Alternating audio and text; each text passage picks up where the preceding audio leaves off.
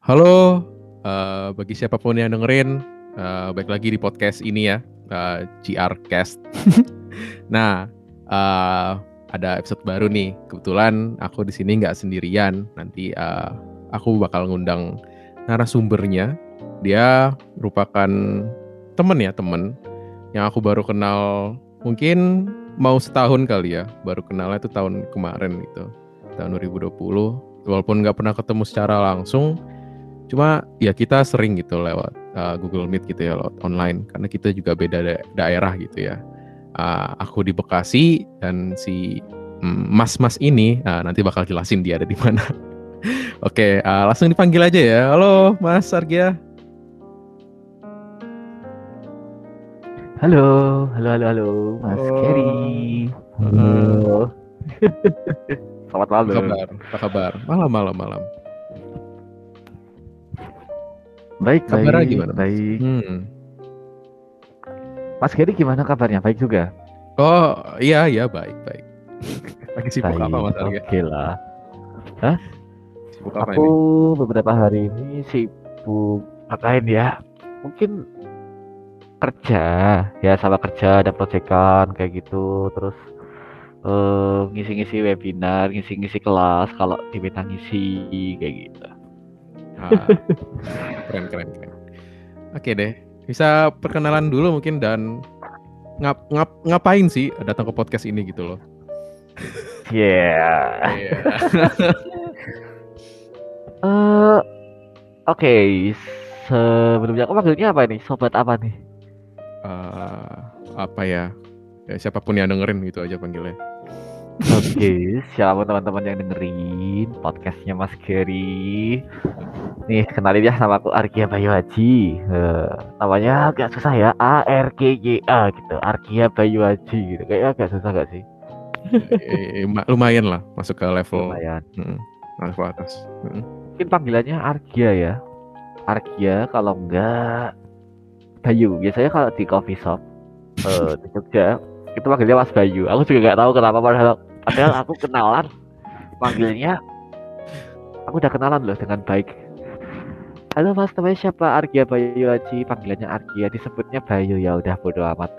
Tapi ya, kalau lebih gampang kata, Bayu sih ya.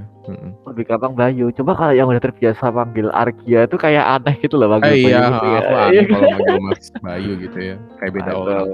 Iya kayak beda orang kan. Nah itu. Ya aku uh, apa ya istilahnya ya anak psikologi lah ya bahasanya gitu. Atau anak psikologi. On the way. On the way oke okay, oke. Okay. doain aja semoga gak ada halangan apa pun kayak gitu. Amin. bisa hmm. lulus. Dan uh, aku asli Jogja tinggal di Jogja. Uh, uh, di Jogja jauh banget. Ya gak ya nggak jauh sih. Nggak alat nggak ya cukup ya ya tergantung ada di mana dulu ya.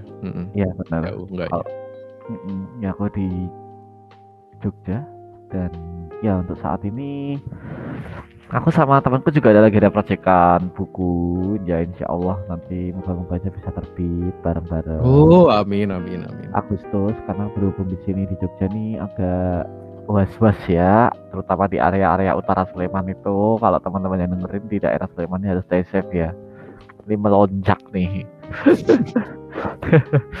semoga aja kayak bisa berakhir dan bisa ketemu bisa ngobrol-ngobrol juga terutama sama Mas Gary ngobrol langsung kayak ah, gitu. iya kita belum banget ngobrol ya. hmm. yoi tunggu, itu ya itu sih Mas Gary mungkin perkenalannya ah oke okay, oke okay. terus um, selama aku kenal Mas Arge ya, ya. aku juga baru tahu gitu uh, yang namanya uh, Parkinson ya. Oke, okay, uh, Parkinson. Bisa langsung ke situ aja, langsung ke situ. Oke, okay, apa ya Gimana ceritanya? Uh, mungkin uh, apa sih Parkinson dan kapan gitu Mas Arya taunya dan ceritanya gitu loh. Oke. Okay. Singkatnya gini. Oh, Kita okay. aku bahasanya tidak usah bahasa ya kedokteran banget ya kayak gitu. Oke, jadi penyakit Parkinson itu adalah penyakit degeneratif ya. E, artinya penyakit ini biasanya diderita oleh orang-orang dengan usia lanjut kayak gitu ya. Nah, degeneratif itu kan artinya fungsi dari saraf itu akan perlahan-lahan menurun seiring dengan uh, usia mungkin atau dipengaruhi faktor yang lainnya kayak gitu ya. Nah, mungkin uh, teman-teman yang dengerin ini nggak asing dengan nama Muhammad Ali kayak gitu ya, atau seorang petinju ya, uh, the greatest Muhammad Ali kayak gitu yang uh, beliau uh, mengidap penyakit Parkinson ya dari tahun 84 sampai 2016 gitu ya. Dan ya beliau meninggal di usia 74 tahun. Didiagnosanya di usia 42 tahun. Ya biasanya usia-usia lanjut itu adalah usia-usia uh, rentan Parkinson. Penyakitnya bersifat kronik ya penyakitnya kronik uh, menyerang sistem saraf pusat terutama di bagian otak tengah yang di situ uh, ada sebuah apa ya kita sebut sebagai penghantar sinyal sarafnya kayak gitu. Atau orang-orang bilang dopamin kayak gitu ya dopamin. Orang orang-orang awam bilangnya mungkin hormon kebahagiaan kayak gitu ya. Nah kayak gitu gitu nah di situ uh, kita kekurangan itu. Jadi dopamin itu bukan hanya sekedar dia membantu untuk menstimulasi uh, kebahagiaan ya atau psikologis tapi juga motorik nah ini ini yang paling penting di situ penyakitnya kronik progresif uh, akibat adanya kerusakan yang pabrik dopaminnya ini mengalami degenerasi atau mengalami kerusakan kayak gitu. Nah kerusakannya itu secara progresif perlahan. Jadi penyakitnya semakin lama akan semakin memburuk gitu ya. Dan uh, untuk saat ini dari no cure, belum ada uh, obat yang bisa menyembuhkan penyakit ini, tapi obat itu hanya bersifat mengontrol gejala penyakit Parkinson kayak gitu. Nah, gejalanya ada empat ya, empat gejala utama. Uh, salah satunya adalah tremor ya, tremor pada saat istirahat gitu, atau sebutannya adalah resting tremor. Nah, resting tremor ini biasanya satu sisi dulu gitu ya. Nah, aku ngerasainnya malah bukan resting dulu, tapi rigiditas ini yang gejala kedua, trap singkatannya. Rigiditas atau kekakuan otot kayak gitu. Bukan kaku nggak bisa bergerak tapi tidak luwes kayak gitu ya. Nah itu biasanya terlihat ketika orang berjalan kayak gitu. Hmm. nah ya kalau orangnya jalan tuh tangannya biasanya kalau tremor dia akan langsung tremor kayak gitu ya. Dan ta ayunan tangan tuh tidak berjalan dengan normal. Terus kemudian ada kelambatan atau bradykinesia akinesia. Kalau disuruh muter tuh susah kayak gitu ya. Macet nah itu. Hmm. macet atau jalannya jadi itu gimana? Muter badan muter badan ya atau namanya end block turning itu macet biasanya gitu. Nah, itu oh. biasanya akan terjadi di usia-usia eh di ta, sorry di tahap lanjut gitu atau di tahap-tahap lanjut. Biasanya kalau awal tuh ya hanya resting tremor sama kelambatan pada tangan ya. Biasanya kalau disuruh buka tutup tuh makin lama makin melambat. Nah, stadium lanjutnya adalah postural instability atau ketidakseimbangan postur. Nah, itu ya kayak gitu. Posturnya menjadi membungkuk ke depan jalannya diseret-seret kecil-kecil kayak gitu ya. Dan itu pun kalau kesenggol dikit jatuh. Nah kayak gitu ya itu. Nah itu kayak gitu. Kalau Parkinson itu intinya seperti itu.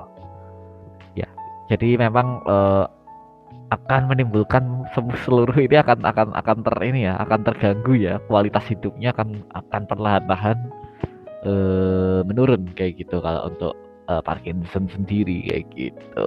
Gitu oh, Mas Gary. Okay. Untuk ini tahu nggak sih Mas, uh, penyebabnya gitu munculnya Parkinson adakah? Uh, Oke. Okay. Uh, dari beberapa artikel dan diskusi dengan dokter juga, uh, penyebab Parkinson itu sebenarnya uh, masih belum diketahui secara pasti ya. Uh, apakah lebih dominan genetik atau lebih dominan di uh, lingkungan. Uh, lingkungan itu biasanya ada ya paparan-paparan zat tertentu kayak hmm. gitu. Nah, itu bisa kita sebut mungkin ada zat pestisida, herbisida, atau aerosol obat nyamuk, atau mungkin uh, adanya penyakit penyerta lainnya. Nah, itu kayak gitu. oh. gitu. jadi belum tahu uh, ya.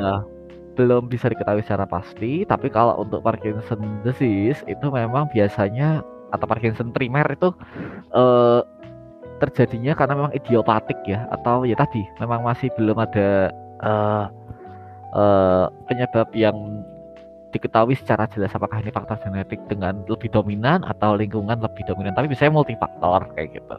Kalau yang secondary Parkinson biasanya disertai dengan penyakit lain ya. Ketika ada foto atau MRI kayak gitu bisa membuktikan kalau ada penyakit lain.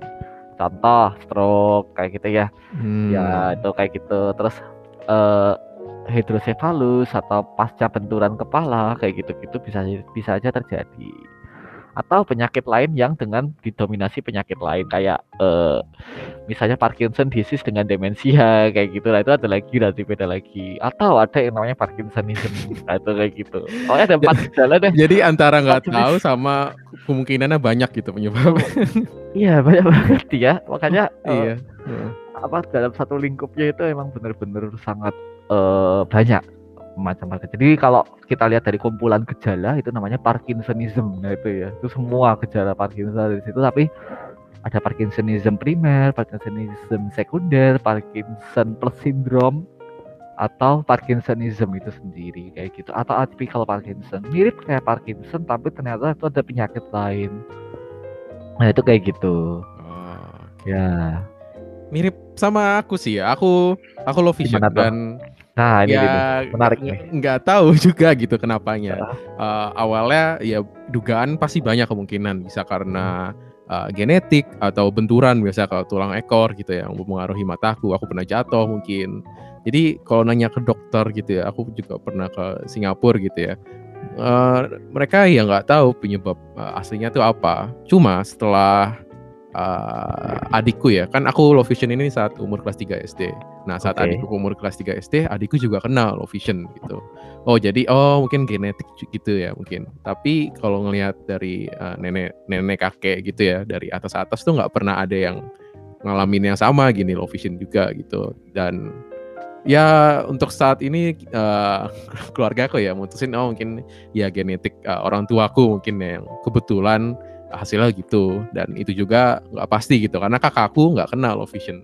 Jadi ya kayak lompat gitu nggak sih gennya jadinya?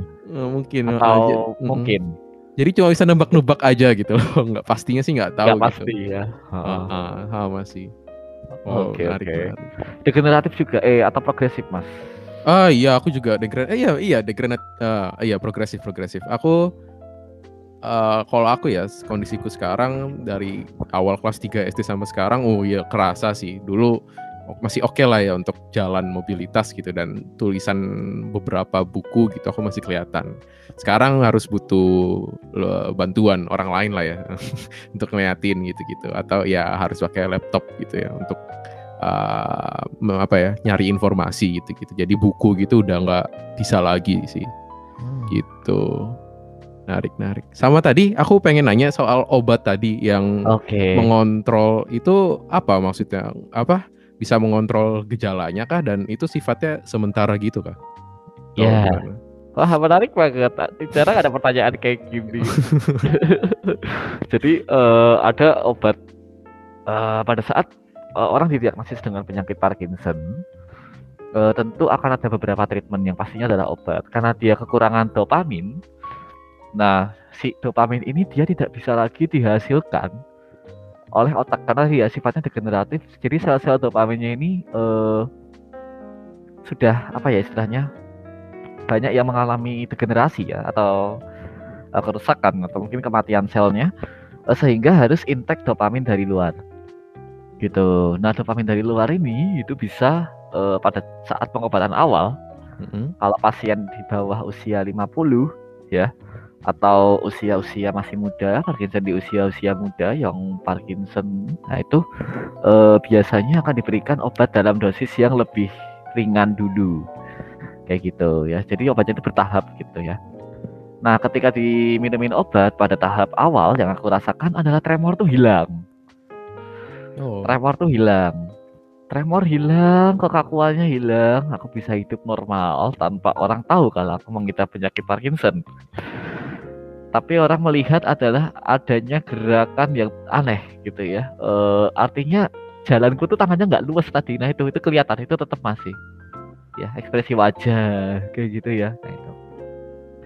Jadi itu adalah masa-masa yang kita namakan adalah masa honeymoon period. Jadi obat itu sangat puas ya. E, orang diterapi dengan obatnya itu bisa dengan dopamin agonis atau ya itu ya kayak itu nanti pengganti dopamin kayak gitu. Dan ada satu hmm. lagi yaitu uh, dopaminergic kalau nggak salah itu yang obat utama levodopa kayak gitu. Nah, levodopa itu adalah dopamin dari luar kayak gitu. Nah, itu. Jadi awal-awal dikasih itu. Itu aku cuma dikasih 25 mili itu satu kali 24 jam aku minum itu hilang tremornya itu. Bahkan aku Oh. kayak orang ya pas masanya itu. Kemudian tiga tahun kemudian memburuk ya. Nah itu langsung dua tremornya dua tangan kayak gitu. Dua sampai Oh ini efek sampingnya dari obat itu kah? bukan karena Oh. degenerasinya tadi. Oh, de oh, Ya. dengan obat itu masih Berarti- ngaruh? Enggak, awal, awalnya nggak ngaruh ya. Berarti ditambahin lagi dosisnya dong supaya tidak Oh, iya. itu lagi. Hmm. hmm, hmm, hmm. Nah, kok semakin lama di tahun keberapa udah mulai ketahuan jalannya rapat-rapat ya. Jalannya tuh makin lambat gitu. Jadi aku jalan tuh melambat banget ya, lambat dan eh, bicaranya melambat, berpikirnya melambat. Nah, itu kemudian diperiksakan wah ini ternyata sudah ada di eh, stage lanjut, artinya udah ada mulai bradykinesia atau kelambatan berjalan dan eh, mulai adanya gangguan keseimbangan, tapi tremor tetap di tangan satu sisi, eh, dua sisi, tapi yang sisi sebelah kirinya nggak begitu.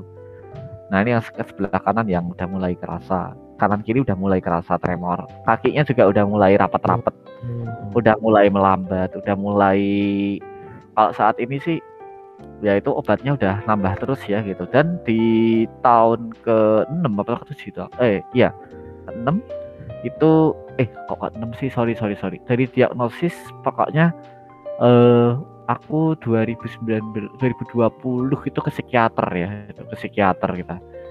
Karena udah mulai ada gejala-gejala gangguan tidur udah mulai ada kecemasan udah mulai ada ya. ya paranoia kayak gitu nah itu seperti itu. Dan kalau bangun tuh nah karena obatnya habis dopaminnya nggak ada dopamin kan dia bersifat untuk eh, controlling movementnya ya atau motoriknya ya. Nah itu eh, gerak tremornya menjadi lebih parah kaku gitu ya. Atau eh, biasanya leher kaki semua tuh kaku gitu kaku. Atau bahkan disertai kayak orang ini ya jadi kakinya tuh mengkerut gitu nyengkrem kram kayak orang kram kayak gitu ya di kaki itu biasanya kayak gitu. Nah itu langsung kita minum levodopa betul levodopa itu untuk mengkontrol gejala. Nah awalnya aku minum satu terus kemudian meningkat dosisnya minumnya tiga kemudian empat kemudian nah itu Oh, dan jadi disertai obat-obat lain. Kalau Parkinson yang degeneratif gitu ya, yang memburuk gitu, itu apakah artinya dopamin yang ada dalam apa saraf atau otak tadi ya berkurang Iya. gitu ya, semakin uh, progresnya gitu. Iya benar benar semakin lama akan semakin Oh. berkurang. Jadi ada yang namanya fase on off. Nah itu ya fase on off itu nanti ketika dia oh di jam 11 dia udah udah mulai kelihatan lebih parah nih tremornya gitu. Oke kita langsung intake levodopa sebelum jam 11 dia udah udah minum supaya fasenya on lagi kan kayak gitu supaya on terus kan.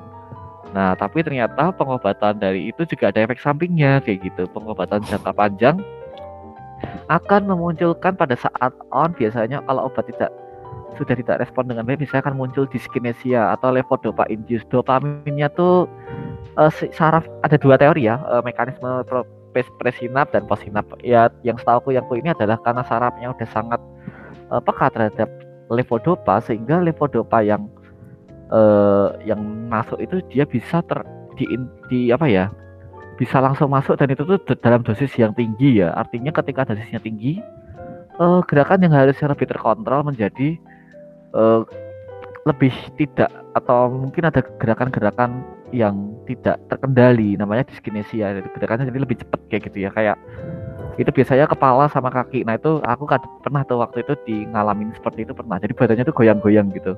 Kepalanya Hmm. gerak-gerak. Jalannya lebih better memang tapi ya itu badannya goyang-goyang.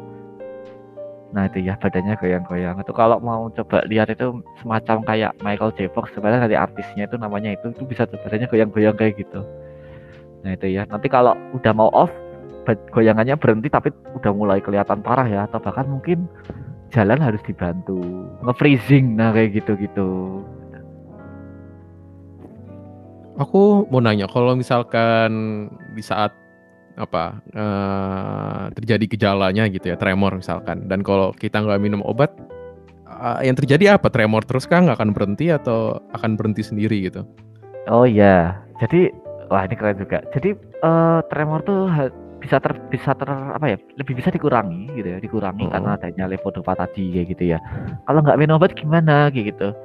Ya tadi ketika ada gejala-gejala Parkinson itu akan lebih tampak atau bahkan nggak bisa bergerak sama sekali kalau misalnya ini. Itu kan sangat mengganggu ya kayak gitu. Sebenarnya Oh iya, kalau yang lagi aktivitas gitu ya. bener misalnya mengapa jadi melambat gerakannya atau bisa lebih lambat lagi daripada itu itu bisa bisa banget terjadi kayak gitu. Cuma nanti tremornya akan hilang sendiri gitu atau? Eh biasanya kalau dengan dominasi tremor biasanya tremornya akan hilang. Tapi kalau eh, kalau misalnya di stadium lanjut itu bahkan mungkin lebih ke dominan rigiditas atau kekakuan. Jadi bisa Oh. jadi ya bedridden cuma duduk diem gitu. Ada. Ada yang sampai kayak gitu nah itu nanti kita lihat eh, mendiang almarhum Muhammad Ali ya. Itu kan kalau di, di foto juga gitu ya terlihat lebih kaku gitu di usia tuanya gitu ya. Tremornya mungkin nggak Hmm. begitu kelihatan kayak gitu. Nah itu. Jadi kesulitan berjalannya lebih susah banget kayak gitu. Nah itu. Mm, mm, mm. Oke, terus eh, sama tadi ya. Kalau nggak salah tadi ada em- empat apa tadi? Gejala empat atau gejala tahapan? Itu tahapan kah sifatnya? Empat gejala, empat gejala itu nanti kalau setahuku ya di buku diagnostik yang eh, Parkinson itu ada beberapa pertimbangan gejala gitu. Jadi kayak empat itu harus ada dua gejala kalau nggak salah dan ada beberapa kriteria eksklusi atau kriteria pengganggu itu nggak boleh ada gitu. Misalnya kayak oh ini disebut Parkinson loh, tapi kok eh, misalnya di rongsennya ada terjadi sesuatu lah itu berarti belum tentu dia Parkinson murni kayak gitu ya. Nah Oh. makanya ada kriteria eksklusi nah itu adalah kriteria kita berusaha untuk menyingkirkan kriteria-kriteria itu gitu dan ternyata kalau salah satunya adalah ketika diberikan obat jenis dopamin tadi itu biasanya merespon 100% 75 sampai hampir mungkin bisa dibilang bagus ya sangat baik kayak gitu 75% mungkin nah itu bisa jadi itu adalah salah satu eh, apa eh, diagnostik penegakan diagnostik dari Parkinson kayak gitu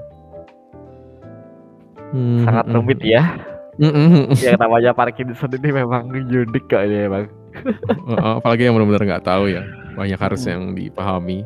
Nah itu. Terus mm, mm. tadi Mas Argi sempat mention terkait apa tadi resting ya. Eh, Mas Argi sempat lompat gitu ya atau langsung ke tahap selanjutnya gitu? Kalau nggak salah Oh. dengar tadi.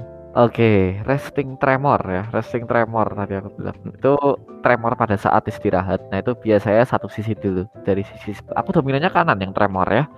Jadi Oh. tremornya Parkinson itu eh, bukan tremor yang bersifat kayak orang kedinginan, menggigil gitu bukan, tapi dia eh, lambat dan frekuensinya tinggi. Jadi kayak kasar gitu ya sifatnya. Jadi jari-jarinya itu kayak orang gulung pil. Jari jarinya tuh gulung-gulung gitu. Oh, lagi gulung muter-muter gitu kah atau? Iya betul, pill Ah. rolling tremor namanya. Betul banget, pill rolling tremor. Jadi eh seperti orang menggulung pil kayak gitu ya. Jadi gulung-gulung gitu. Ya itu biasanya di- awalnya kalau teman lihat itu adalah di jempol, jempol dan jari telunjuk sama semua jari ini muter gitu. Gitu sifatnya muter kalau enggak kayak orang gulung pil gitu. Ya itu nggak bisa dikontrol juga. Aku juga nggak tahu ini tremornya kayak gini juga gimana ceritanya gitu. Temanku tak suruh ngikutin gitu kan, kadang-kadang gitu. Susah katanya, susah banget gitu. Dan itu terjadinya pada saat istirahat. Nah, biasanya kalau ketika jalan, wah itu tremornya biasanya kelihatan banget biasanya. Iya. Tuh, bisa bisa satu tangan tuh kayak shaking gemeter kencang banget itu bisa bisa banget terjadi itu. Oh. Kayak gitu. Kalau boleh tahu Mas Argia, oh aku sebenarnya udah tahu sih ya, cuma pura-pura nggak tahu aja. Kalau nggak salah dengar, kalau nggak salah dengar, eh, Mas Argia ngalamin Parkinson ini kan bisa dibilang belum berapa, belum 10 tahun mungkin ya? Iya belum, belum 10 Belum, tahun. belum, belum, Jadi belum. bisa dibilang kan Parkinson ini bisa dibilang salah satu apa ya kelompok difabel ya disabilitas. Ya. Mas Arga ini anggota baru kan ya. Nah, beda Iya. sama aku. Aku udah berapa ya? Se 11 tahun udah iya udah 10 tahun lewat lah gitu ya. Ya, itu udah termasuk senior ya. Ya senior. Nah, ini proses ospek ini. banyak belajar ini. Ha, ini harus di ospek dulu ini kayaknya. Nanti baru dapat sertifikat terus ikut di museum. Heeh. Nah, aku pengen nanya, soalnya aku waktu pertama kali Low Vision, aku di saat umur 9 tahun gitu ya, kurang lebih 9 Oke. tahun. Dan saat itu ya apa ya yang ku rasakan ya apa ya ya nggak kerasa apa-apa gitu ya ya secara mungkin secara mental secara em, lingkungan melihatku aku belum gitu ngerasakan gitu. Aku tetap uh, main bola tetap ini. Yang sangat uh, dirasakan ya waktu itu pendidikan sih. Aku karena aku susah ngelihat aku Oke. uh, memutuskan untuk uh, nulis jawaban pilihan ganda gitu ya. Ngasal-ngasal gitu. Karena aku nggak kuat gitu bacanya. Mataku cepet pusing gitu. Jadi itu yang aku ambil dan nilaiku jelek gitu. Dan ya itu efek salah satu efeknya. Nah aku baru bener-bener ngerasa tuh mungkin saat SMA gitu ya. SMP SMA gitu baru Oke. bener-bener kerasa ke mental gitu oh aku itu beda sendiri ternyata aku ternyata dari semua di sekitar tuh aku beda sendiri dan mungkin apa ya Mas Insecure ya. Ah, ah, Mas Argia mungkin melewati ini juga gitu. Saat itu aku kayak benci sama orang-orang yang ngelihat aku kayak aneh, kayak aku dijuluki waktu itu SMA ya anak ABK, anak inklusi gitu ya, anak berkebutuhan khusus gitu. Kayak selalu ada julukannya gitu. Sampai Oh ke iya, bawah serius? sampai ke bawah ke kuliah gitu. Aku masih minder di kuliah gitu dan prosesnya itu bener-bener lama gitu ya untuk aku apa ya mulai tahu harga diriku gitu ya. Ternyata aku punya harga loh gitu-gitu. Walaupun aku susah untuk melihat, ternyata aku masih uh, ada gitu. Tapi itu aku untuk me- me- apa ya menyadarinya itu cukup lama gitu ya, uh, tahun-tahun gitu. Nah aku pengen nanya Mas Argia. Kebetulan kan Mas Argia kalau nggak salah ya udah beberapa tahun lalu uh, mengalami Parkinson dan saat mungkin umur yang udah cukup uh, dewasa mungkin ya menuju dewasa gitu Iya. itu yang dirasakan pertama gimana gitu beda sama aku kan gitu Nah, ini nih Mas Gary. Jadi awal aku kena ya atau awal aku tahu itu sebenarnya pun aku juga nggak menyangka ya bakal sampai ke Parkinson kayak gitu. sebelumnya udah tahu Parkinson kah Eh, Sudah, sudah tahu. oh, udah tahu ya? Eh, Udah, kan di psikologi kita belajar ya di Oh, awal tuh iya, tentang sistem psikologi. saraf eh, itu. aku baru dengar Parkinson dari Mas Argia soalnya lanjut lanjut Aku malah baru tahu itu pas dasarku jelasin tentang saraf-saraf gitu semester 1 itu. oh Nah ya itu temanku kebetulan melihat ah, ketika aku jalan ada tremor gitu ya, mulai Kapan kayak kapan? aneh gitu. 2016, nah itu. 2016 itu udah mulai terlihat sangat terlihat tampak simptomnya semakin lama melambat, kakinya gemeter. Tapi masih sangat halus ya, artinya orang tidak begitu notice kayak gitu. Cuma temanku notice ketika adanya eh ini ya, eh apa namanya? eh stimulasi atau stimulasi dari luar gitu udah mulai tampak jelas banget itu gemeter-gemeter dan lain sebagainya gitu. Jadi awal-awal dari situ temanku udah notice. Misalnya kayak cemas gitu. Kalau misalnya ada ada apa ya istilahnya ada kecemasan ya. Itu kan tremor akan semakin kelihatan. Nah itu. Kayak gitu-gitu sih Mas. Jadi awalnya notisnya di situ ya. Ini kenapa gitu. Nah itu temanku kayak gitu pertama. Ini kenapa? Ini kenapa gitu. Kadang terus ketika bicara bicaranya makin lama makin eh, kayak gitu kayak orang apa ya bahasanya ya. Orang mabuk ya? Oh, oke oke. Orang sakau ya kayak orang Oh, sakau gitu ya. mungkin. Mm, mm, Tuh. mm. kayak gitu. Dan kadang ngelantur bicaranya. Itu juga juga juga juga pernah. Ngelantur tapi tetap dalam satu ini satu pembahasan kayak gitu. Cuma kayak lompat gitu loh. Oh. Ya pembicaraannya itu adalah pembicaraan yang lompat sifatnya. Nah, karena pembicaraannya itu adalah pembicaraan yang kayak gitu jadi temanku juga notice kan ini kenapa? Kayak gitu. Kok semakin lama semakin eh, aneh kayak gitu ya. Dan pada waktu itu notice lagi ketika aku eh, untuk pergi ya. Jadi pergi ke mana namanya? Pergi ke suatu apa? Eh ya kayak suatu daerah gitu kita jalan-jalan. Eh temanku juga ngelihat eh, jariku itu tremor. Dan tremor itu pada saat diem. Nah, pada saat diam itu tremor kayak gitu Uh. Ya, itu mulai notice. Kok tanganmu tidak mengayun dengan normal? Jujur aja kamu makin melambat. ini sifatnya mulai notice notice ini secara perlahan atau berdekatan Perlahan. gitu sehari dua hari gitu Eh, sebenarnya adalah ketika ada stimulasi stres. Nah, itu. Kayak oh, Oh. deadline nih, deadline nih. Nah, itu makin makin kelihatan ya. oh Deadline nih, makin kelihatan di deadline ya kayak gitu-gitu tuh. Ini bener-bener apa ya? Unik lah pokoknya gitu. Nah itu dari situ mulai eh, akhirnya dibawa ke rumah sakit ketika ada kecemasan ya. Tanganku gemeter terus yang sebelah kanan itu. Bahkan sampai semua tuh goyang ya, yang sebelah kanan tuh goyang semua gitu. Nah itu dibawa ke rumah sakit, kemudian dicek di UGD cuma disuruh ngentangin tangan doang. Jadi kita tuh disuruh nunjuk kok tremornya berhenti. Aku juga ngerasa kaget kan lah ini tremor kenapa berhenti tapi jadi lebih lambat. Jadi lebih lambat nah itu. Nah dari situ mulai eh disuruh ngetes A, B, C, D, E, terus disuruh apa buka tutup buka tutup. Dokter bilang oh ini ke poli aja gitu. Ya siapa yang nggak seneng coba kan? Kira oh ya udah ini berarti cuma penyakit tremor doang lah kayak gitu. Kayak aku pikirku kayak gitu gitu ya. Ternyata ketika sampai dokter dokterku ngelihat gitu ini udah mulai sejak kapan ya? Aku cerita ya dari SMA tuh udah muncul dok ini aku sensitivitas penciumannya mulai berkurang terus Hmm. mulai ada sembelit-sembelit konstipasi namanya ya. Sulit tidur. Nah kayak gitu-gitu. Itu kan simptom ternyata itu adalah simptom atau gejala preklinikal yang itu setiap orang tuh beda-beda kayak gitu. Aduh, bingung lagi kan. Tiap Jadi nggak semua beda-beda. yang eh, ngalamin Parkinson gejalanya sama gitu di awalnya. benar tidak semua. Nah itu. Oh, ih makin susah lagi.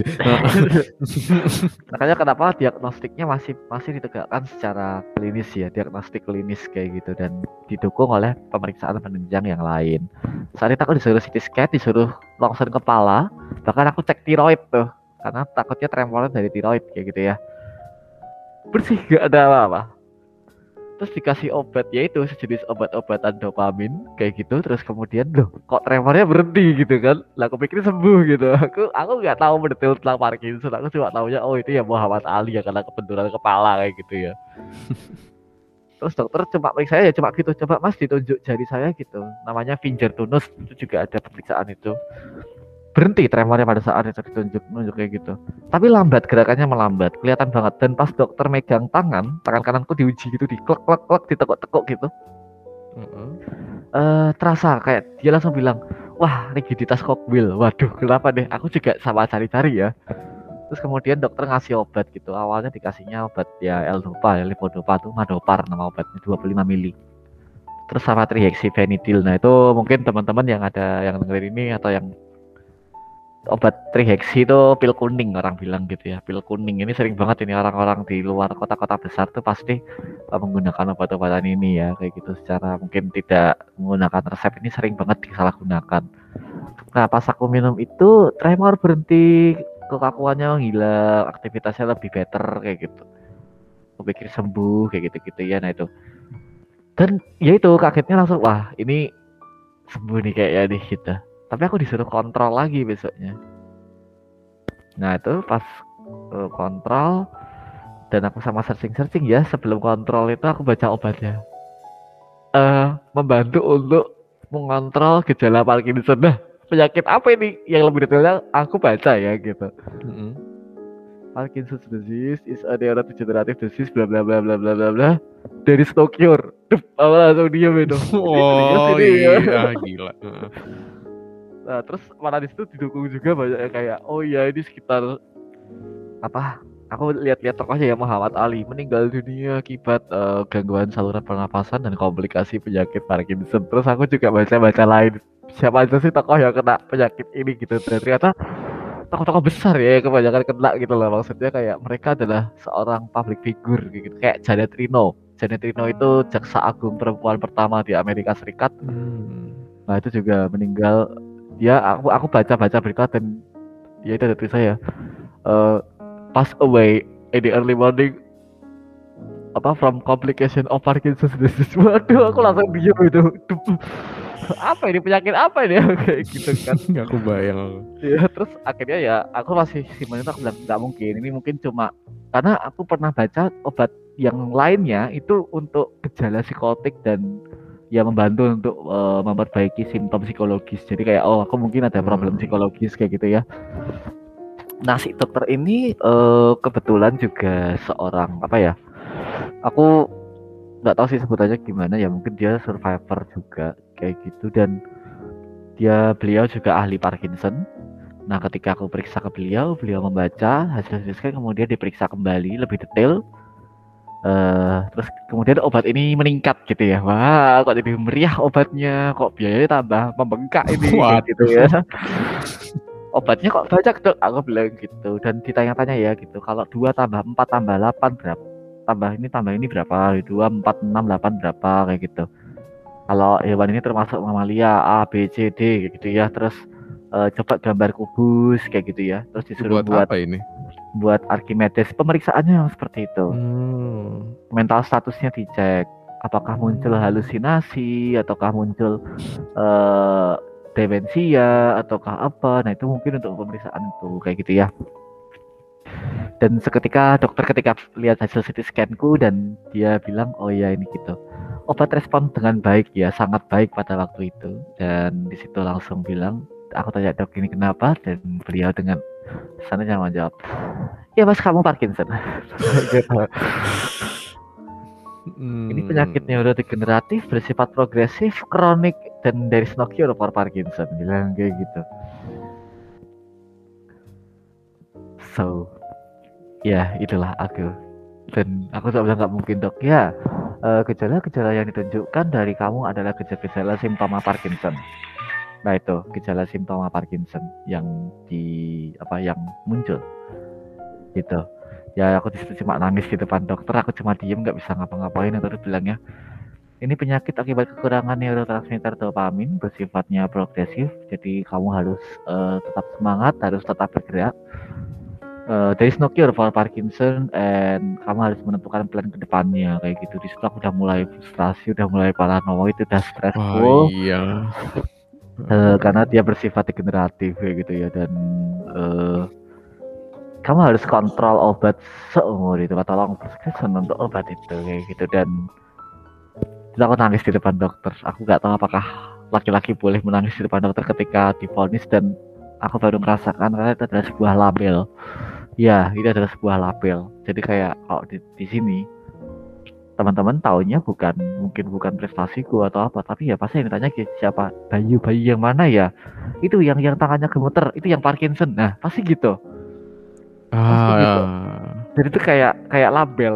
Disabilitas kita tuh kayak label. Hmm, itu yang dirasakan pertama ya, tiba-tiba berubah gitu ya. Hal-hal yang Heeh, udah pernah dilakuin mungkin banget. Mas Arga setelah Parkinson jadi eh, semua berubah ya dengernya. berubah banget Mas Gary. Itu aku Oh. sampai cuma diem. Temanku cuma bilang gini lagi yang nemenin aku. Ya udah sih gak usah nangis. Itu kan cuma tremor-tremor biasa terus bilang Astaga. hey. Ya kayak gitu Mas Gary. Balada aku dan ya aku rasain itu sangat eh, berat banget. Aku sampai kam sampai ya tempat apa ya kayak mas gitu ke tempat teman aku cuma diem nggak bisa ngomong apa-apa. Yang kupikirin adalah ya tadi karena ini kronik progresif. Aku pikirnya besok mungkin udah nggak ada kayak gitu. Karena ya aku pikir aku baca-baca juga beberapa itu kan penyakit lanjut usia. Dan pernah dia tuh bilang gini dokternya juga bilang bahwasannya "Eh, penyakit ini saya baru pertama kali menemukan kasus di bawah usia 2 30 tahun dan 28 tahun gitu. Dan dokter cuma bilang kamu harus tetap semangat kamu harus tetap sabar kayak gitu ya. Penyakit ini akan memang akan kamu idap dan ini akan melekat di kamu bilang kayak gitu. Eh, sampai nanti mungkin akhir hayat ya kayak gitu. Dan eh, itu adalah sebuah pukulan terbesar dalam hidupku dan itu change terbesar. Aku speak up aja tuh udah kayak itu lega banget kayak gitu. Itu speak up itu. Aku dua Hmm, tahun pasti, itu aku baru bisa speak up. Dua dua tahunan ya sekitar dua tahun Itu kalau boleh tahu dari apa jangka Mas ngerasain gejala-gejala kayak tremor itu sampai dikasih tahu dokter, oh ini Ah. Parkinson itu berapa lama? Kalau empat tahu? tahun Oh, ya itu kemudian aku baru speak up nah itu itu pun aku juga terinspirasi dari salah satu tokoh ketika speak up nah itu itulah iya sih. Aku pertama kali kenal Mas Arga kan di komunitas itu ya dan Ah, aku pertama kali pengen ngobrol sama Mas Arga itu di saat ya itu eh, Mas Arga speak up waktu saat diskusi gitu dan aku terharu dengernya gitu. Makanya aku langsung chat terus akhirnya eh punya podcast. Aku juga suka podcast langsung.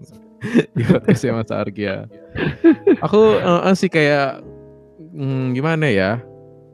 Eh bukannya membandingkan ya cuma ya ya Ya. pasti membandingkan gitu loh apa kayak aku aku bisa dibilang punya waktu lama gitu untuk nge- nge-realize gitu ya, nge- menyadari kalau aku tuh ya kayak gini dan eh, ngerasain labeling gitu-gitu dan maaf ya agak ini bagi pendengar ya agak agak agak, agak sensitif nih. Ah, sempat pikiran untuk off gitu ya. Eh, Ya. Itu juga pikiran gitu saat ya mungkin saat menuju dewasa gitu untuk mikir ini aku masa depan bisa kah nggak ngeliat gitu loh kayak kayak nggak kebayang gitu. Iya sama mas, aku juga gitu. Berasa kayak Heeh. dunia tuh langsung berhenti, langsung dek gitu loh, langsung abad Iya. banget gelap. Yang udah Yang- kebayangin mm-mm. semua hancur kayak gitu-gitu. Mm, yang aku itu sih yang agak apa ya pas denger cerita Mas Argi tuh kayak kayak apa ya kayak jebret jebret kayak cepet banget gitu loh waktunya gitu dan berubah kayak Iya. kedengarannya tuh kayak berubahnya tuh cepet banget secara signifikan gitu ya. Satu Mm, se- Ya itu sampai bener-bener ngerasain lah itu. Nah itu baru speak up itulah itu udah mulai aware ya. Ya walaupun konsekuensinya sangat berat memang ketika kita speak up dengan kondisi kita itu. Mm-mm, belum tentu Nah, itu. semua orang yang di sekitar ya pengen uh, belajar juga gitu ya, pengen memahami. Ada juga yang cuek juga gitu ya. Uh, beda-beda Bener banget. Bener banget Mas Gary. Dan itu pun aku speak up itu itu pun aku belajar dari salah satu tokoh ya itu. Siapa tuh? Bener-bener ya itu Janet Reno perempuan pertama Oh, itu di. Amerika Serikat heeh. itu. Aku juga sama ngomongnya aku juga sama kayak gitu ya. Aku ngomongnya masih ingat betul lah aku ngomongnya. Aku waktu itu speak up dan aku ngomong, but I have now been to the doctor. He tells me that I have Parkinson's disease. I was diagnosed two years ago. This is a disease that Oh, as I juga. understand. Iya benar Ah. gitu. It attacks the cells that produce the chemical that control muscle response kayak gitu dan aku langsung apa ya di situ aku juga mengatakan ya bahwasanya almarhum dokterku eh, apa dia sempat mengatakan bahwasannya aku harus tetap beraktivitas ya dan aku juga menyampaikan itu dan ya aku juga menyampaikan bahwasannya ya apa eh the disease nor the medication should impair my ability to do the job and I intend to keep on doing it. Nah itu aku akan tetap melaksanakan aktivitas apa pun sih gitu seberusaha mungkin kayak gitu. Nah itu itu awal aku speak up dan eh, banyak temanku yang pada terkejut ya gitu. Gitu Mas Gary. Banyak banget perubahannya emang bener. Aku juga aku malah juga waktu Mas Gary ngomong dan aku dengerin cerita Mas Gary juga itu kayak aku ngerasa wow. Aku malah harusnya belajar dari kamu juga Mas Gary. Oh. insight. Serius aku aku nggak tahu kenapa ya aku juga bisa maksudnya ada insight gitu ya. Mungkin kondisi berbeda tapi mungkin ada ya tadi ya ada beberapa hal yang bisa saling kita bagi kayak Ah, gitu, dari ha, ha. diri kita masing-masing. Ya itu itulah yang bisa mungkin ya menguatkan kayak gitu dalam menurutku seperti itu sih gitu. Mm-mm, bener mas. Eh, apalagi itu ya kita di ya konteksnya satu komunitas gitu yang geraknya ke apa ada disabilitas gitu. Ketemu teman-teman yang ya mungkin eh, jenis disabilitasnya beda. Cuma ya. ternyata kebanyakan pengalaman tuh ya beda tipis gitu lah mirip-mirip gitu lah ya kayak iya. sen- eh, bisa dibilang seneng gitu relate kayak oh udah ngalamin itu. Itu eh, saat itu gimana eh, solusinya gitu loh kayak iya bener insight-insight baru gitu kayak eh, beberapa teman kita ya ada misalkan ada Zaki, Afif gitu ya, eh, Mas Dimas gitu-gitu. Nah itu. Bener ngebuka banget sih. Kadang kalau aku ya kadang aku suka ngerasa sendiri gitu oh, ini eh, dunia nggak adil aku doang gitu yang ngerasa yang suffering gitu yang ngerasa ya Hmm. Terus setelah dengar cerita dari teman-teman lain, oh ternyata nggak sendiri kita bareng-bareng gitu ya. Terus senang juga ya dengar dari ya temen yang non difabel gitu ya, Eh, kekhawatiran mereka, ke rasa ingin tahu mereka tuh sangat-sangat eh, salut gitu ya dengarnya aku salut gitu sih. Bawa energi positif wah Wah.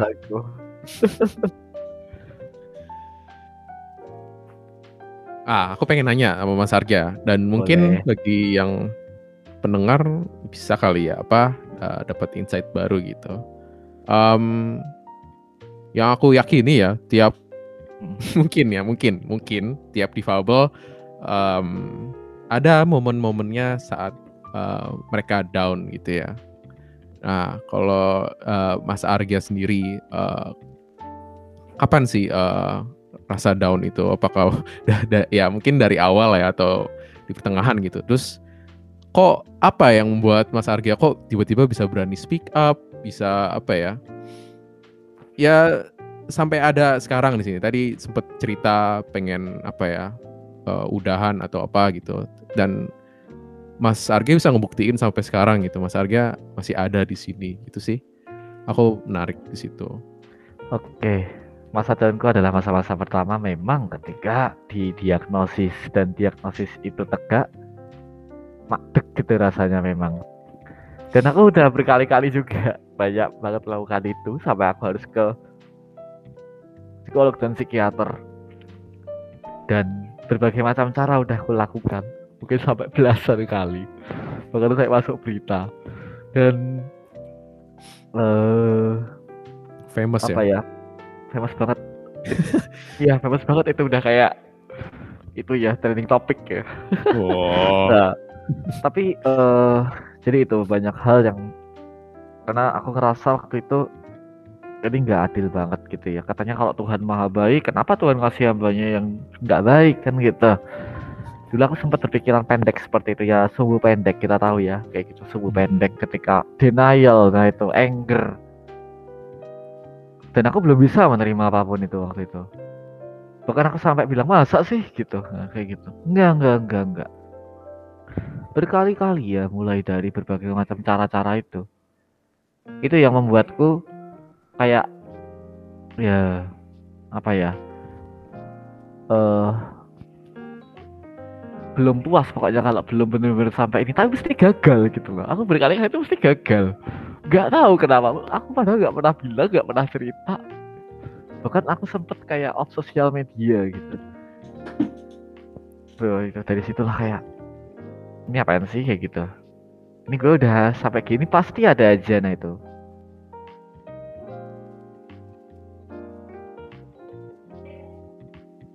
Itu jadi kayak ya apa istilahnya uh, ketika aku uh, berada dalam posisi seperti itu kayak gitu ya. Uh, aku berusaha gitu kayak untuk uh, apa ya istilahnya tetap bertahan tapi ya kadang berat gitu ya. Ini orang lihat misalnya kayak gitu ini orang kok ngeliatin tremornya mulu tidak ada yang salah ya sama aku. Kayak jadi gak pede insecure sendiri tuh jadi hmm. paranoid depresi. Wah ada oh, tuh paket lah ya. Terus paket paket lengkap komplit kayak gitu. Dan apa? Uh,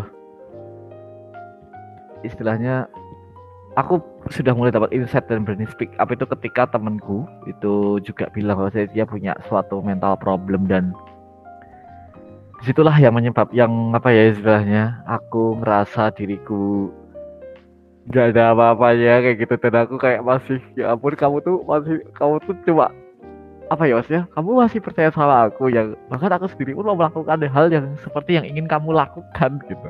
Sebelum kamu cerita ini nah kayak gitulah.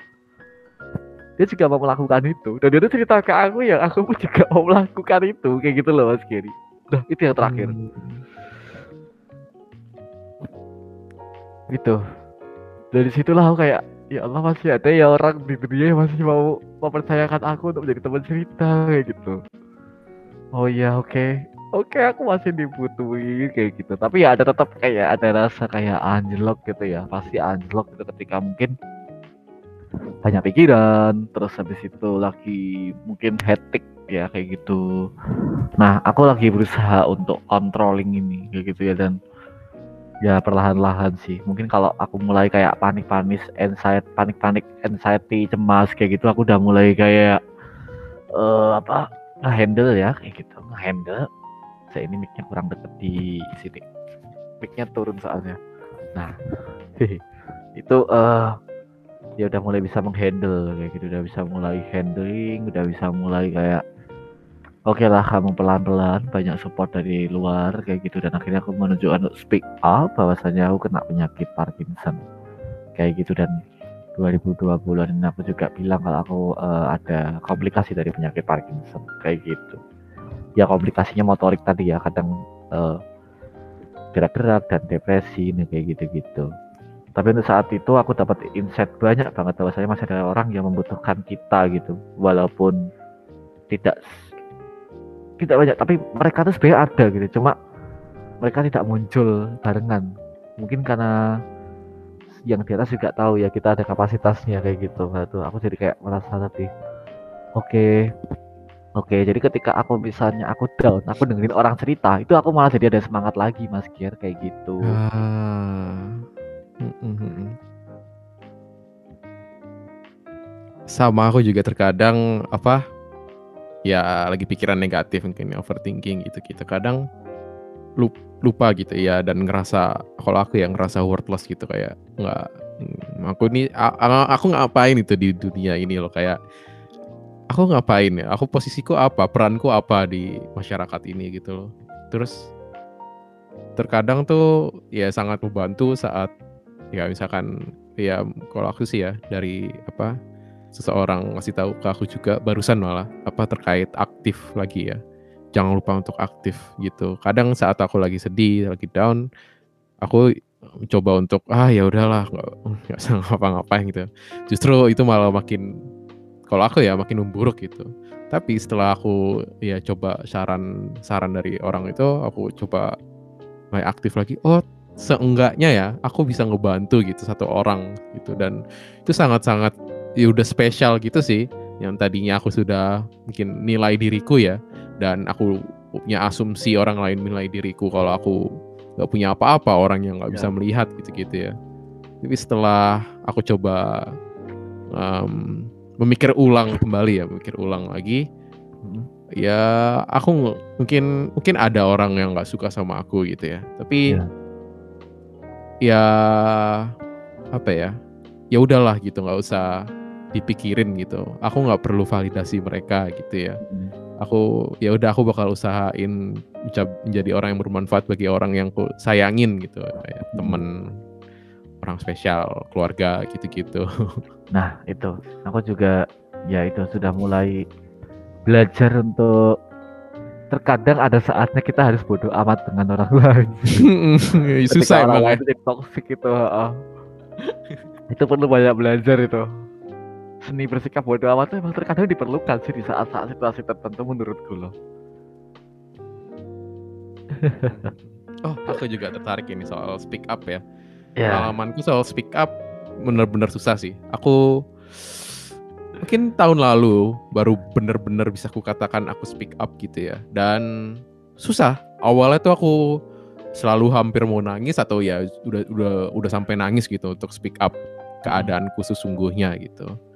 Dan kadang apa ya? Ya kalau aku sih ya eh, dapat beberapa respon tuh yang sangat justru juga jadi motivasi aku juga gitu kayak oke. orang berterima kasih gitu-gitu. Nah kalau Mas Arga sendiri, yang Mas Arga rasain apa sih? Aku penasaran pas saat uh, mungkin speak up pertamanya dan respon yang didapatkan tuh uh, kayak apa aja gitu selama ini. Oke, trial speak up respon pertama mereka semua diem. Aku nggak tahu mereka semua bingung kali dengan penyakitku kayak apa gitu. Kayak Oh. muka mukanya mereka muka-muka bingung kayak gitu. Oh. Jadi kayak terus mereka cuma tanya, oh Banyak iya. harus dicerna mungkin ya. Hmm. Iya karena penyakit Parkinson nah, kalau aku jelasin ke orang-orang lain itu loh ngewel-ngewel gitu. Nah itu ngewel-ngewel kalau orang iya kan ngewel kalau orang Jawa bilangnya gitu kan. Ini ngewel-ngewel gitu. Oh iya, itu ya. Apa? Eh tremor ya, tremor tuh gemeteran itu tahu gitu. Iya lah gituin. Jadi pertama kali sepanjang gitu. Tapi kalau pas mereka tahu kalau dalam dunia psikologi mereka diem semua dan bahkan temanku aku baru nih, nih baru ada pengalaman lagi. Jadi aku baru ketemu teman SMA aku di coffee shop.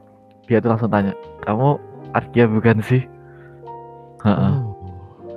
Aku awalnya bilang enggak aku Bayu gitu. Enggak kamu Argia aku bilang kayak dia bilang kayak gitu kan. Enggak aku bilang kayak gitu. Terus saya kamu kayak gini sekarang dan itu benar-benar terjadi. Itu baru sekitar semingguan lebih kemarin sih. Oh baru ini. baru baru banget. Uh, itu baru aja aku banget ini. juga juga enggak enggak enggak nyangka dan dia cuma bilang sumpah kamu kamu jadi kayak gini gitu. Terus dia di coffee shop. Karena dia duduknya jajan sama aku sekitar dua let, let dua kursi gitu dan dia memberanikan diri untuk menyapa. Aku dan notice karena dia juga setiap hari datang dan ketemu pasti kan kayak gitu kalau pagi. Dan dia langsung bilang sumpah kamu sakit gitu. Ya eh, kamu ke mana aja dicari teman-teman? Aku Parkinson aku bilang kayak sumpah kamu sakit apa kok sampai kayak gini? Iya aku Parkinson aku bilang. Belum tahu kabarku kah? Oke tak kasih tahu ya aku kena penyakit Parkinson. Dan sekarang aku dari komplikasi penyakit Parkinson aku bilang kayak gitu terus dia cuma diem.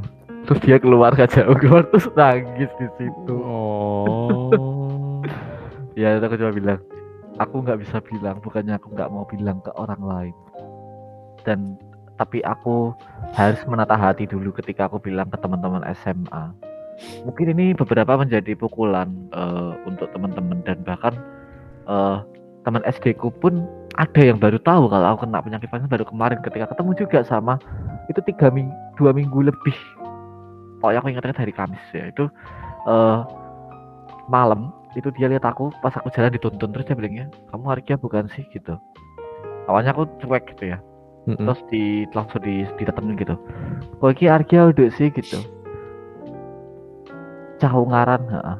Ya. Ya. Aku bilang gitu. Kamu tuh sakit apa? gitu. Lama banget nggak muncul di grup gitu.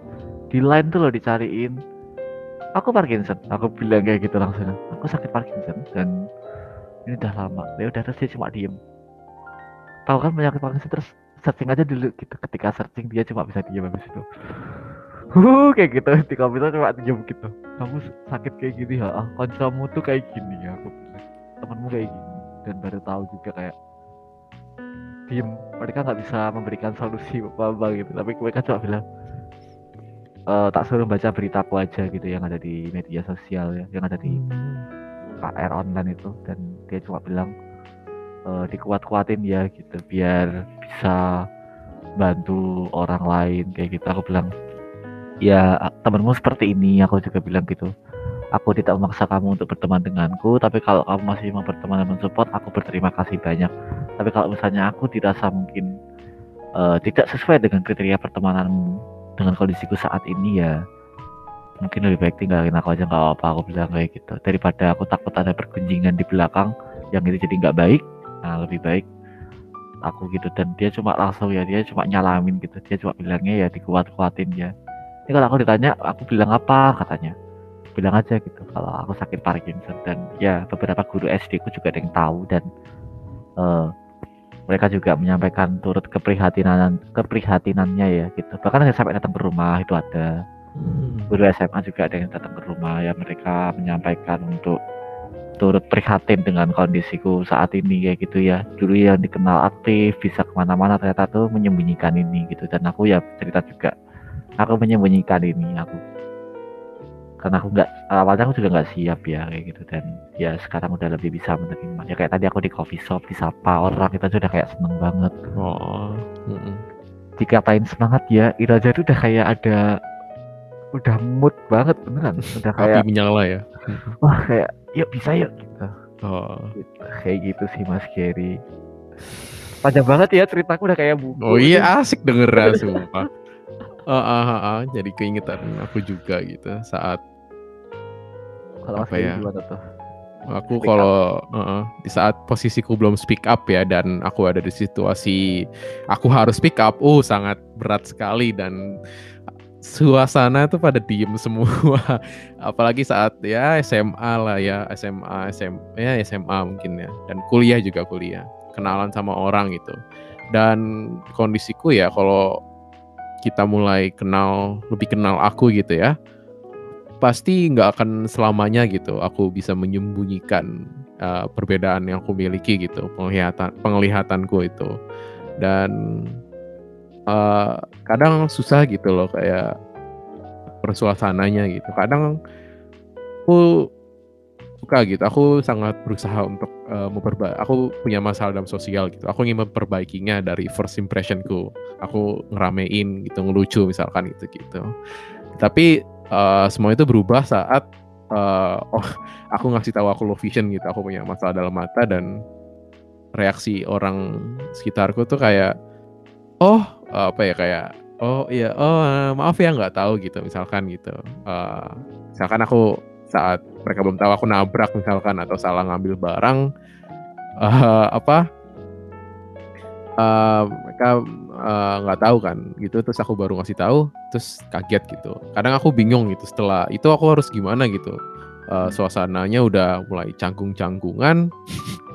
Terus ya aku bingung juga gitu. Nah terus saat-saat aku mulai bisa speak up itu oh aku langsung mikir lagi gimana ya caranya buat apa ya um, hal yang aku nggak suka itu saat canggung gitu ya. Ya udah aku coba kendaliin gitu loh kayak saat mereka canggung atau sebelum mereka canggung gitu. Ya udah aku kayak tadi Mas Arga gitu aku coba keluarin seadanya aku gitu. Iya aku low vision. Aku buta gitu kayak aku nggak bisa ngeliat ini nggak bisa lihat itu gitu.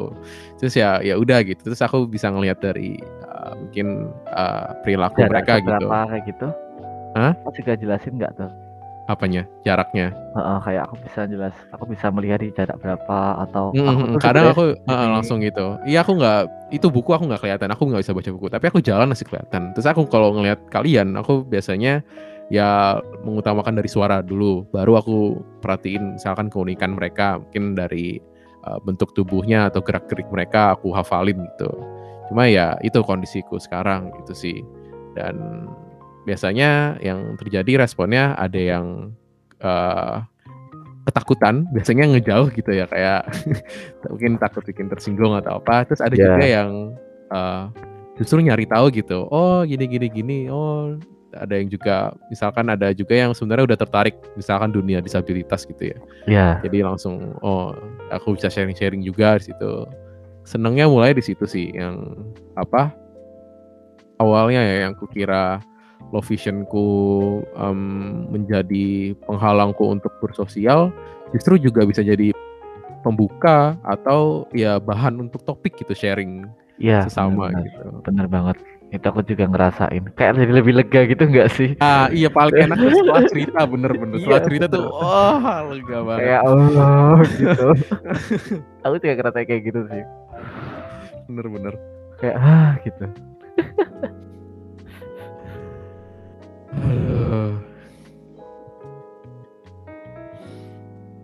ah, oh iya, kebetulan apa? eh, udah satu jaman kayaknya atau kurang lebih ya satu jam eh, podcast ini. Eh, jangan lama-lama banget lah ya. Jadi Gila, kita udah jam. di ujung. Nggak kerasa, nggak kerasa iya sih kerasa ya udah kayak kuliah umum Heeh. Besok Berarti asik ya? kali Hmm. kita buka webinar aja kalau kayak gitu mungkin Ah, iya, bayar pastinya ya. Oh iya pasti nggak ada di nggak ada di sini gratis ya eh Oke, tolong oke, oke. Ya, kita omonginnya habis podcast ya. Oke. Iya.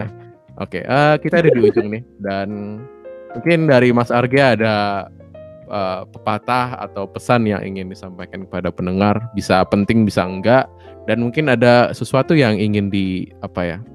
di mungkin dipromosiin misalkan kayak buku tadi eh, buku yang mau dipublish itu tentang apa atau apa mungkin bisa diceritain kalau mau Mm-mm. itu sih Oke, jadi ya intinya adalah sebenarnya kita nggak semua orang itu berpotensi untuk disabilitas dan nggak ada yang tahu kapan disabilitas itu akan datang atau akan akan datang di kita kayak gitu ya. Kita bisa, jadi kita nggak ada yang tahu usia berapapun itu. Jadi bukan untuk ke arah kita ke arah sananya, tapi bagaimana kita untuk bisa aware eh, dengan diri kita gitu dan orang-orang di sekitar kita gitu ya dan bahkan mungkin lebih aware lagi dengan orang-orang yang disabilitas bukan tapi disabilitas itu nggak bisa ngapa-ngapain kayak gitu. Mereka tetap masih bisa. Cuma ada kemampuan lain yang mungkin ditonjolin yang cuma orang itu nggak ngerti karena kita terlalu satu fokus dengan dengan satu hal itu gitu. Yang itu adalah hal yang umum dan itu hal, -hal yang udah sering terjadi. Tapi kita belum pernah lihat orang di balik luar biasanya orang itu kalau kita belum mengenal orang itu. Jadi intinya adalah ya kenali orang itu dengan apa yang kalian lihat, apa yang kalian dengerin dari si orang itu. Bukan yang orang lain ngomongin kayak kayak yang hal, negatif, yang hal, yang mungkin wah dia kayak gini gini gini kasihan gini gini gini bukan. Ya jadi lebih bisa untuk aware-nya aja ya, aware dan eh, aware terhadap diri sendiri dan aware terhadap orang lain. Nah kalau buku itu rencana itu Juli cuma di sini tuh lagi ini ya semoga nggak meroket ya ini masih mau take off aja coba jangan jangan sampai kayak gitu. Nah tuh tuh. Jangan sampai deh ini aku tetap pengen offline banget tahu gitu. Nah ya ini sih apa eh, bukunya itu tentang sebenarnya adalah punya temanku dan dia mengenai tentang apa eh, suicide ya. Dia skripsinya juga kebetulan tentang resiliensi orang yang melakukan percobaan bunuh diri kayak gitu. Dan ya semoga aja ini bisa memberikan inspirasi untuk teman-teman juga kayak gitu Hmm. bahwasannya. Ya oke lah terkadang kita ada di fase yang di bawah gitu. Cuma yuk lakukan apa yang kita suka kalau aku sendiri senangnya adalah ketika aku bisa mendengarkan cerita orang lain jadi ketika aku depresi aku keluar dan dengerin cerita orang lain itu itu adalah energiku kayak gitu nah mungkin teman-teman punya energi positif lain yang bisa teman-teman dapatkan kayak gitu sih kalau aku Oh, bagus, bagus, bagus. Hmm, kayak gitu Mas Gary Oke, ada ini nggak apa? Hmm, sosial media yang ingin dipromosiin. Boleh. At Argia Bayu Haji ya. A R G Y A Bayu Haji digabung. Nah, itu. Kalau podcastku sekarang diganti namanya Podcastson ya atau Parkinson Talk Podcast ya itu. Kalian bisa nanti bisa cari kok. Ada aku kan di situ ya. Ada dong, ada Mas Oke, Gary tadi. heeh. Tamu spesial ini. Oke. Di episode tengah-tengah pandemi ya. Iya. Yoi, gitu Oke Mas deh. Gary. Makasih Mas Argia udah nyempetin dateng. Eh, nanti jangan lupa OVO-nya ya. Heeh. OVO. Iya, iya. Aku yang harusnya terima kasih sama Mas Gary ini udah sering diajak-ajak ngobrol. Mas Gary juga sering curhat-curhatin Oh, juga. oh, astaga. Heeh. Oke deh. Eh, Oke, bagi yang dengerin ya, kalau udah sampai sini, wah, makasih banyak. Eh, congrats lah ya, congrats udah dengerin sampai ujung sini. Dan ya dari aku eh, terima kasih aja sih. Dan kalau misalkan suka, ya bisa bantu follow mungkin di IG-nya ya G GR underscore eh apa sih namanya apa ya? Kok aku lupa? gr.cast kayaknya ah, kayaknya ah, ya pokoknya grcast ya aku sendiri lupa astaga. Terus Spotify juga bisa di follow nanti ah, ya adalah di IG atau nanti Spotify aku sebar-sebarin gitu sih. Eh, dah dari aku eh, makasih. Eh, ya udah eh, malam. Dadah.